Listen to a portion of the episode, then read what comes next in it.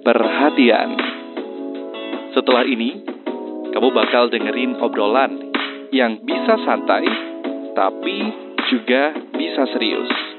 Tergantung hal apa yang bakal diobrolin. Tapi yang pasti, setiap orang punya pemikiran dan sudut pandangnya masing-masing.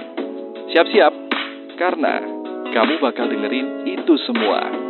So, let's agree to disagree, and this is Say So.